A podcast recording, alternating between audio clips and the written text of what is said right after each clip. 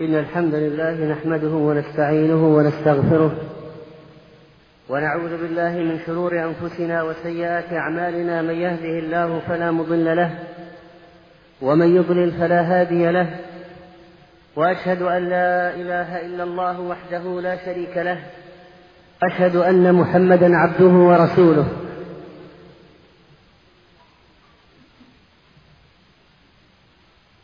أما بعد فإن الله سبحانه وتعالى قد أمرنا بالعمل.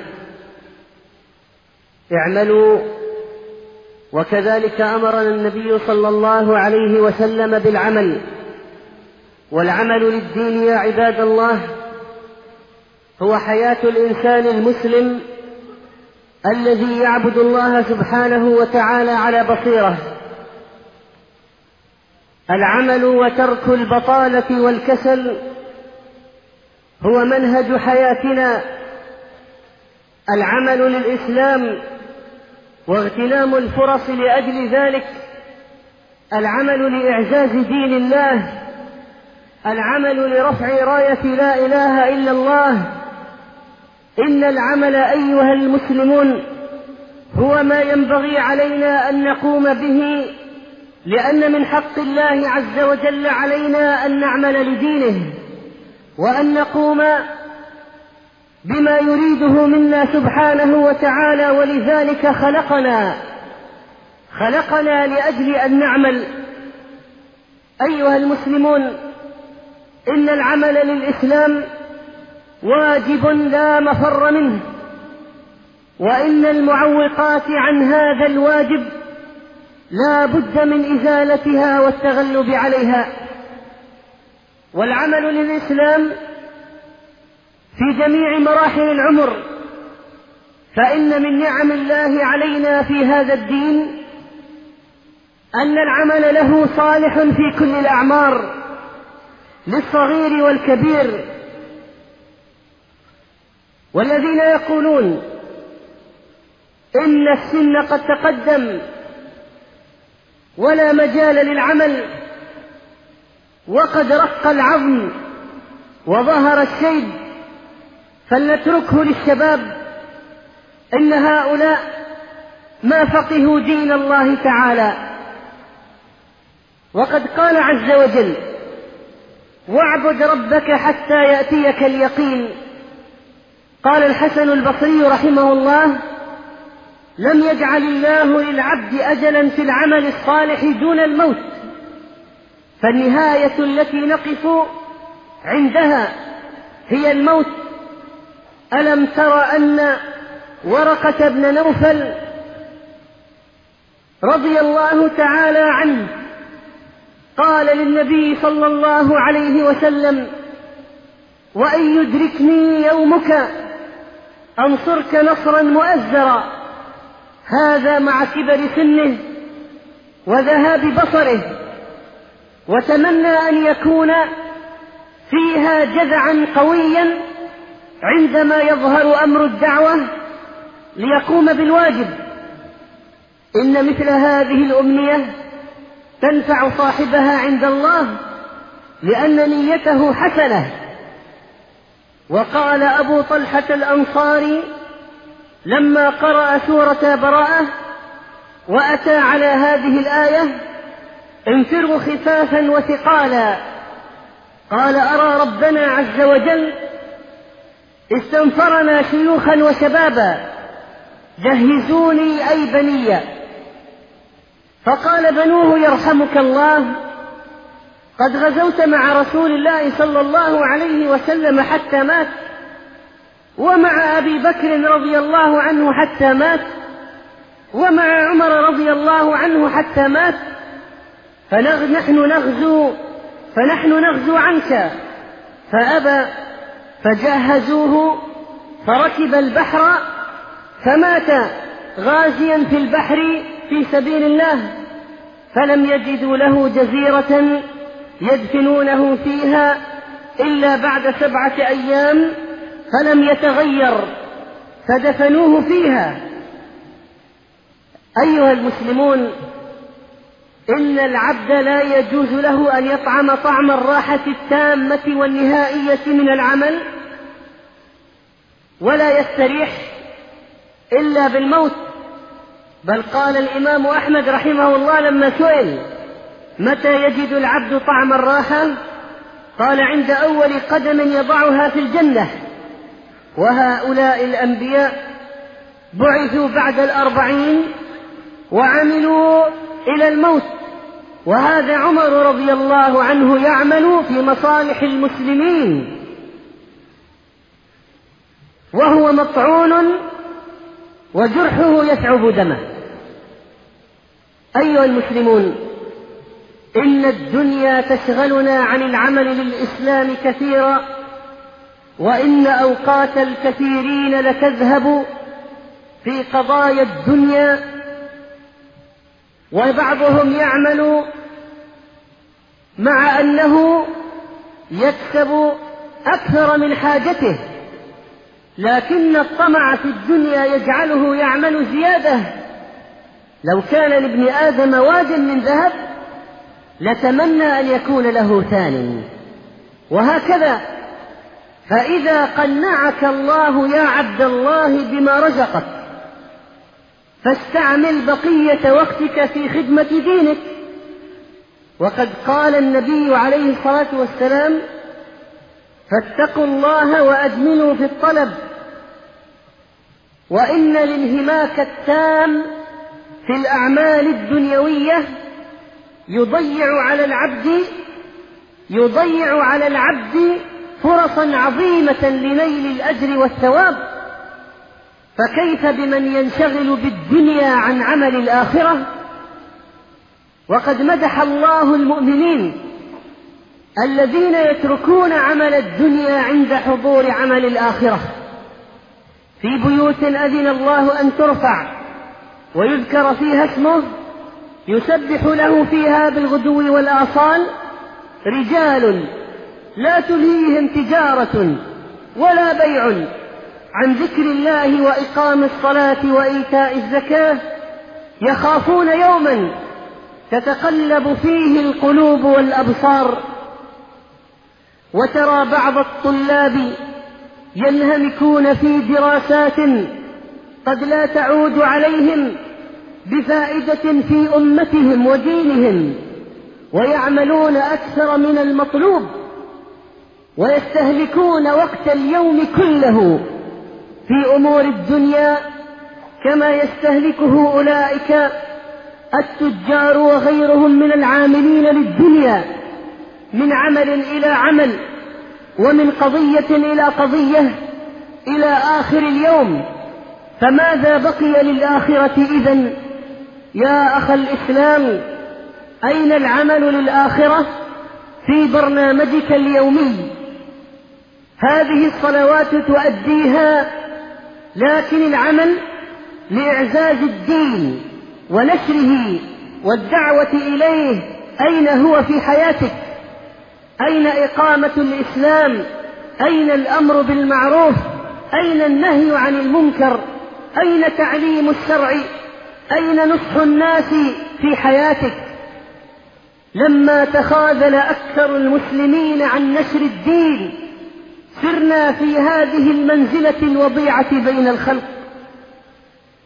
وكثير من الموظفين لا يغتنمون حتى مجالات الدعوة في وظائفهم لنشر الإسلام والدعوة إليه ونصح الخلق.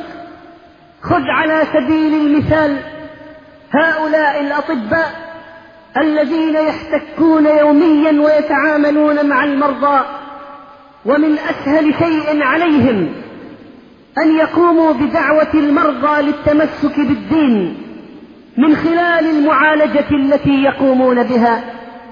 فماذا قدم هؤلاء وغيرهم من أصحاب المكاتب لأجل الدين حتى في وسط العمل وفي وسط الموظفين الذين يعملون معهم؟ كم أمروا من شخص بإقامة الصلاة وكم نهوا من شخص عن منكر ومعصية وكم نصحوا للدين وأخرسوا لله أيها المسلمون إنها مسؤولية سوف نحاسب عليها وإنه لذكر لك ولقومك وسوف تسألون. عباد الله إن بعض الناس أتوا من فساد تصورهم فتركوا العمل للدين. فقالوا إن القضية ليست قضيتنا ونحن نتركها للدعاة العاملين. لكن أنا مقصر لست ملتزما بكثير من الأحكام. فليست الدعوة من شأني ولا من وظيفتي. وليس إقامة الدين والنصح من أمري. كيف أيها الأخ المسلم تقول ذلك إن الدين نشره ليس مقتصرا على طبقة دون طبقة ولا على مستوى دون مستوى ولا على نوعية من المسلمين دون أخرى بل كلنا دعاة وكلنا ناصحون وكلنا يجب أن نقوم بأمر الدين وفي ذلك فليتنافس المتنافسون وسارعوا إلى مغفرة من ربكم. وجنة عرضها السماوات والأرض أعدت للمتقين. أين المسارعة في الخيرات؟ أولئك يسارعون في الخيرات وهم لها سابقون.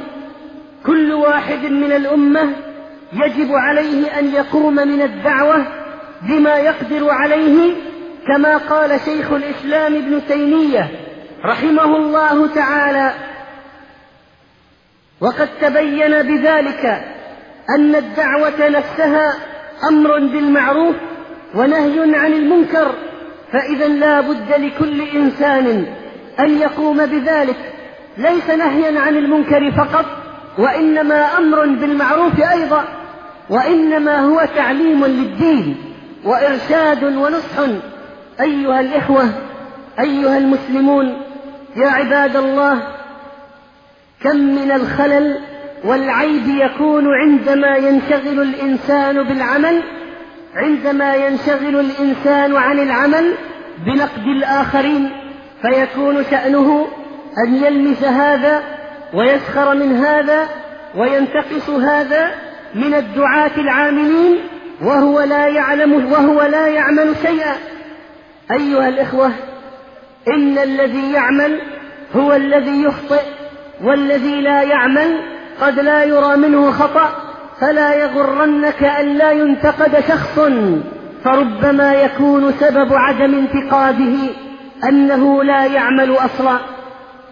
أيها الإخوة إن حساسية بعض الناس من النقد تجعله يترك العمل ويقول في نفسه لماذا أصبر على لوم الناس؟ وما الذي يجبرني على تحمل هذه الانتقادات؟ فيترك العمل. وهل الدين إلا مناصحة؟ ودل على العيوب كما قال عمر رضي الله عنه داعيا ربه رحم الله امرئا أهدى إلينا عيوبنا. وكذلك كان الصالحون يطلبون يطلبون النقد لأعمالهم والتصحيح. ولذلك قال ميمون بن مهران رحمه الله قولوا لي ما أكره في وجهي لأن الرجل لا ينصح أخاه حتى يقول له في وجهه ما يكره. وليس المقصود إساءة الأدب ولا التطاول والتعدي ولكن يكون النصح في بعض الأحيان ثقيلا على النفس لأن فيه نوع انتقاد. ألا فلا ينبغي أن يمنع هذا أو أن يترك الإنسان العمل لأجل خوف نقد الآخرين فإن شخصية المسلم ليست شخصية هزيلة إن مراضاة الناس لا تقدم عنده على مراضاة الله عز وجل. ثم بعض هؤلاء يقولون إن الآخرين لا يقدرون جهودنا. سبحان الله وهل نحن نعمل؟ لأجل أن يقدر الآخرون جهودنا إننا نعمل لوجه الله. هكذا المفترض إنما نطعمكم لوجه الله لا نريد منكم جزاء ولا شكورا. كل ما لا يراد به وجه الله يضمحل ويذهب. أيها الإخوة إن القصد إذا كان أن يثني الناس على أعمالنا فقد هلكنا والله. فينبغي أن نعمل سواء قدر الآخرون جهدنا وأثنوا علينا أو لم يثنوا علينا ذكرونا بخير أو ذكرونا بغيره. فإننا ينبغي أن نعمل لأن الثناء من الله هو مقصودنا. وكذلك ينبغي أن يكون الثواب من الله عز وجل هو الباعث لنا على العمل. لا ثناء الناس ولا مدحهم.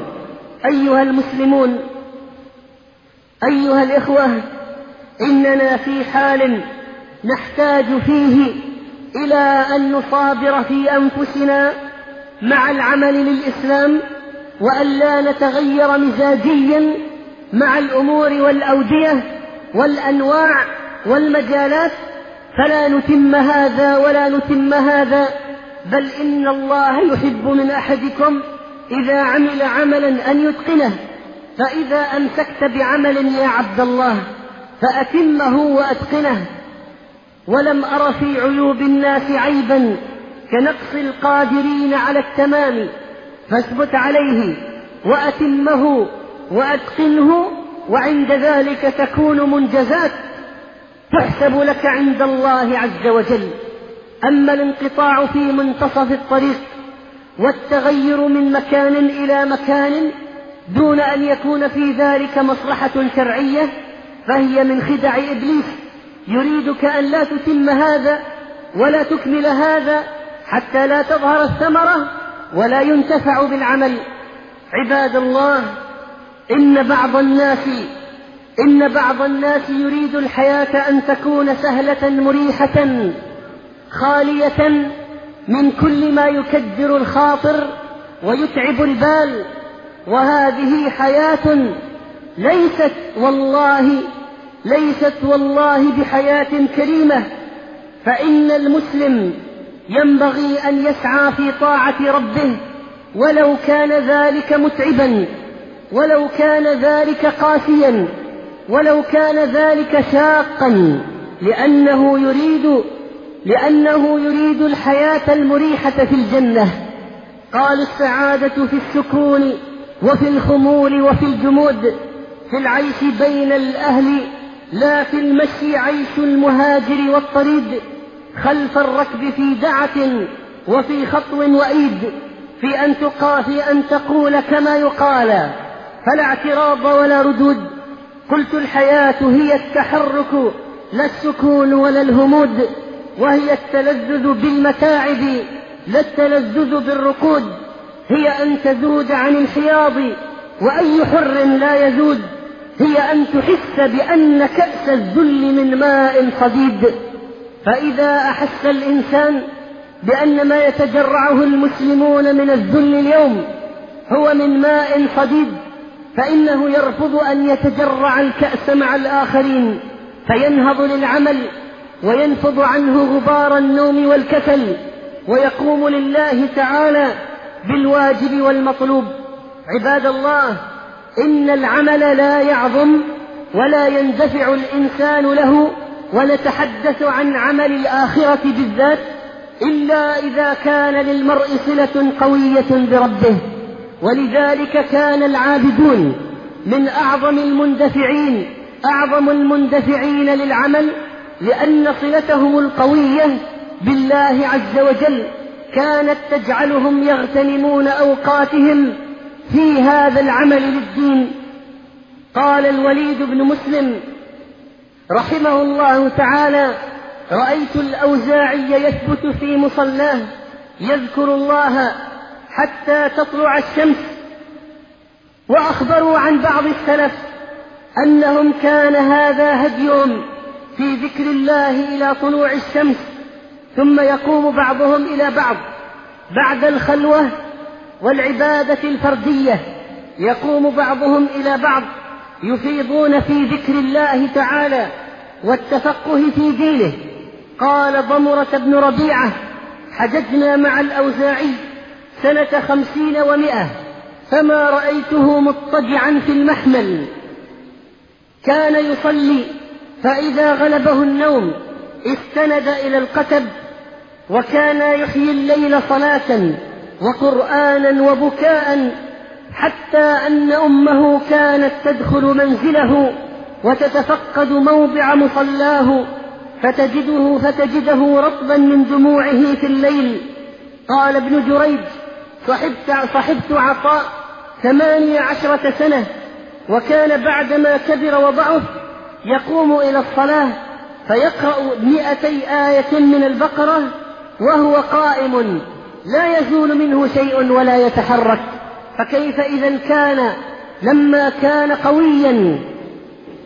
وكان الربيع بن خي حسين يبكي حتى يبل لحيته من دموعه ثم يقول أدركنا قوما كنا في جنوبهم لصوصا أي إذا نسبنا أنفسنا إليهم وأعمالنا إلى أعمالهم. كنا في جنبهم لصوصا. وهكذا يقول مع شدة عمله.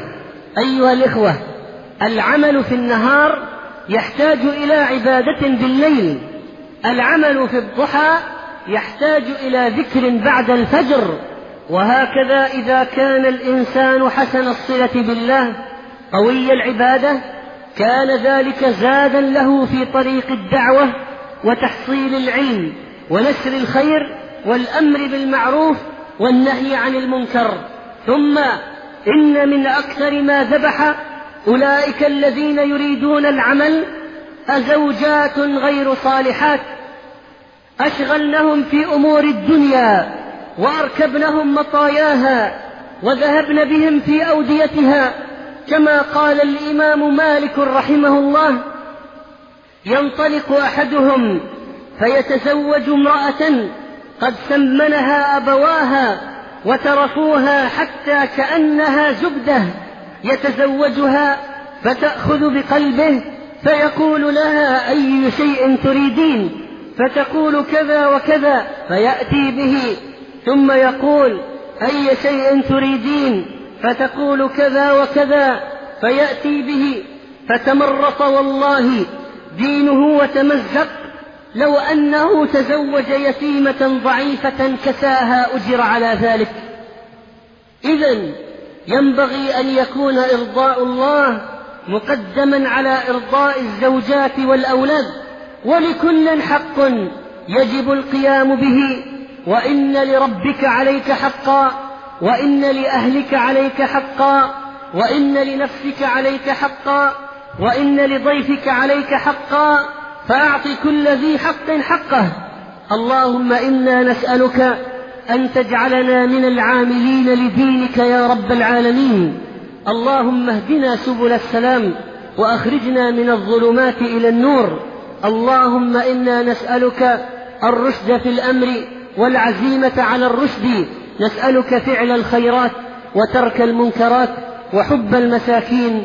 وإذا أردت بعبادك فتنة فاقبضنا إليك غير مفتونين. أقول قولي هذا وأستغفر الله العظيم. وأوسعوا لإخوانكم يوسع الله. الحمد لله معز من أطاعه ومذل من عصاه. أشهد أن لا إله إلا الله. ولا حول ولا قوة إلا بالله. وأشهد أن محمدا رسول الله الرحمة المهداة البشير والنذير والسراج المنير صلى الله عليه وعلى آله وصحبه أجمعين. عباد الله إن من أعظم الأسباب الداعية إلى مواصلة العمل للإسلام وعدم تركه أن يكون الإنسان مع العاملين المخلصين أن يؤاخيهم وأن يرافقهم وأن لا ينفصل عنهم. المحيا محياهم والممات مماتهم. وهكذا يكون معهم أخا صادقا. إنما المؤمنون إخوة يكونون كالبنيان المرصوص في مواجهة كيد الأعداء ويكونون كالجسد الواحد في التآخي فيما بينهم. إذا اشتكى عضو تداعى له سائر الجسد. بالسهر والحمى إن الانفصال عن الأخيار العاملين إن تركهم هو الداء الوبيل وهو الشر الكبير. ولذلك قال النبي صلى الله عليه وسلم إنما يأكل الذئب من الغنم القاصية. وذكرنا بأن يد الله مع الجماعة وذكرنا بأن البركة في ثلاث في الجماعة والثريد والسحور.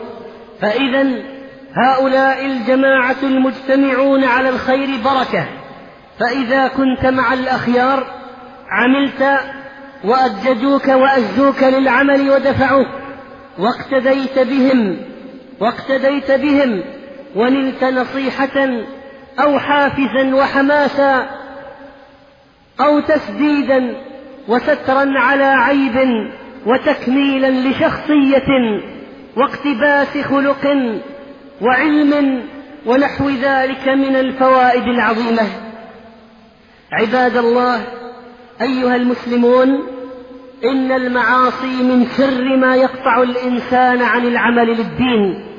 إن الشيطان ليستثمر المعصية استثمارا ويرابي فيها بحيث تكون قاطعة عن الله والدار الآخرة ولا يزال يقول لمن اتبع دربه ومشى في ركبه أنت عاص مقصر لا يليق بك أن تدعو ولا يليق بك أن تعمل ولا يليق بك أن تنصح. ولا شك أن هذا في الحقيقة إضافة تقصير إلى تقصير. فلو أن المقصر ترك الأمر بالمعروف والنهي عن المنكر لأجل هذه الحجة الواهية التي ليست بحجة أصلا فماذا سيحدث أيها الإخوة؟ إنه سيضيف إلى معاصيه وتقصيره معصية وتقصيرا آخر وهو ترك إنكار المنكر الواجب وترك النصيحة الواجبة في الدين وهكذا يتنقل الشيطان بالمرء من حفرة إلى حفرة. وينزل به سلم الدرج حتى يورده قاع الذل والهزيمة والمعصية. فإياكم يا عباد الله من الاستجابة لهذه الخدعة الإبليسية.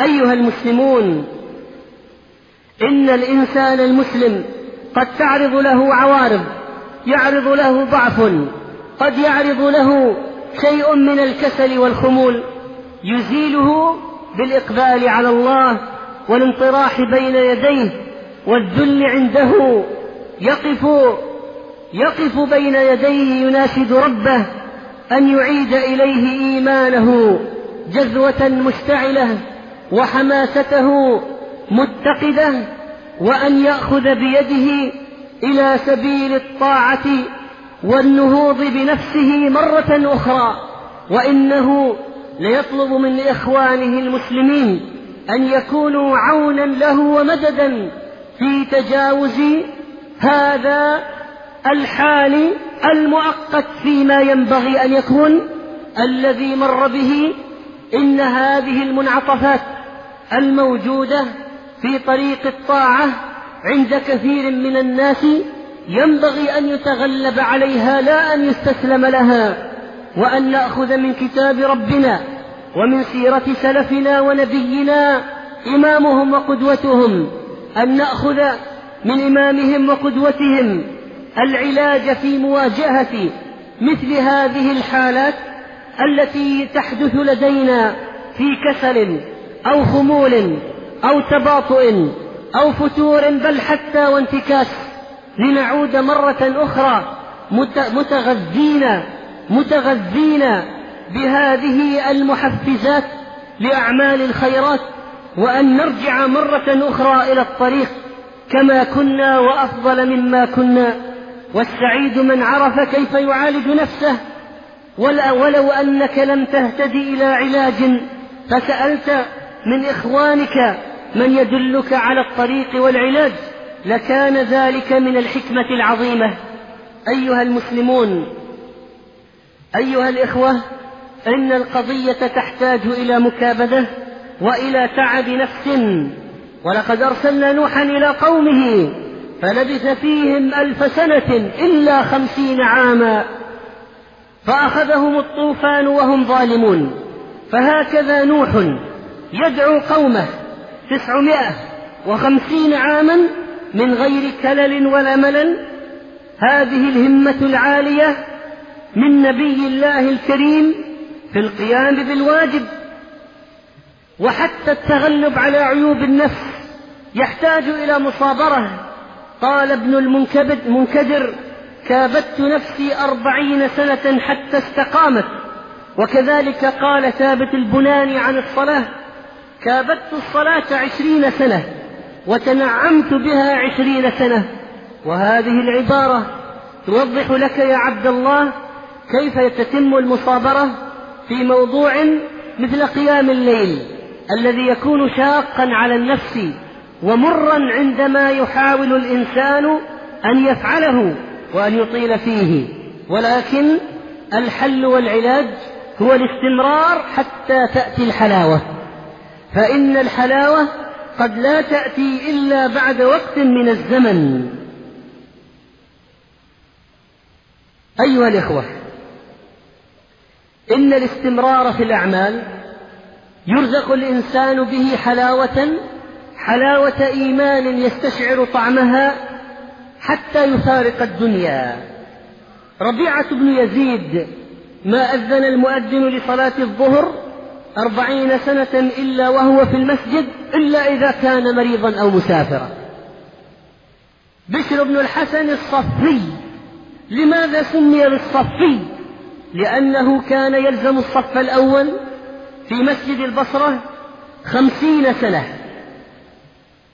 وهكذا كانت الأعمال ترتقي بهم من مرحلة إلى مرحلة حتى يحس المعاشر لهم أنهم يزدادون كل يوم. وهذه القضية العظيمة الازدياد كل يوم. قال إبراهيم الحربي رحمه الله وهو من أصحاب الإمام أحمد عن شيخه ولقد صحبته عشرين سنة صيفا وشتاء وحرا وبردا وليلا ونهارا فما لقيته في يوم إلا وهو زائد عليه بالأمس. فما لقيته في يوم إلا وهو زائد عليه بالأمس.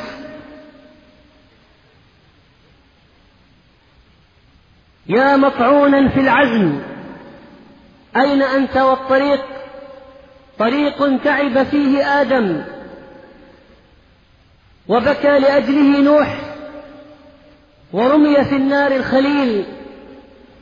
وأضجع للذبح إسماعيل وبيع يوسف بثمن بخس ولبث في السجن بضع سنين ونشر بالمنشار زكريا وذبح السيد الحصور يحيى وقاس الضر أيوب وزاد على المقدار بكاء داود وعالج الفقر وأنواع الأذى محمد رسول الله صلى الله عليه وسلم. فكيف نحن باللهو واللعب؟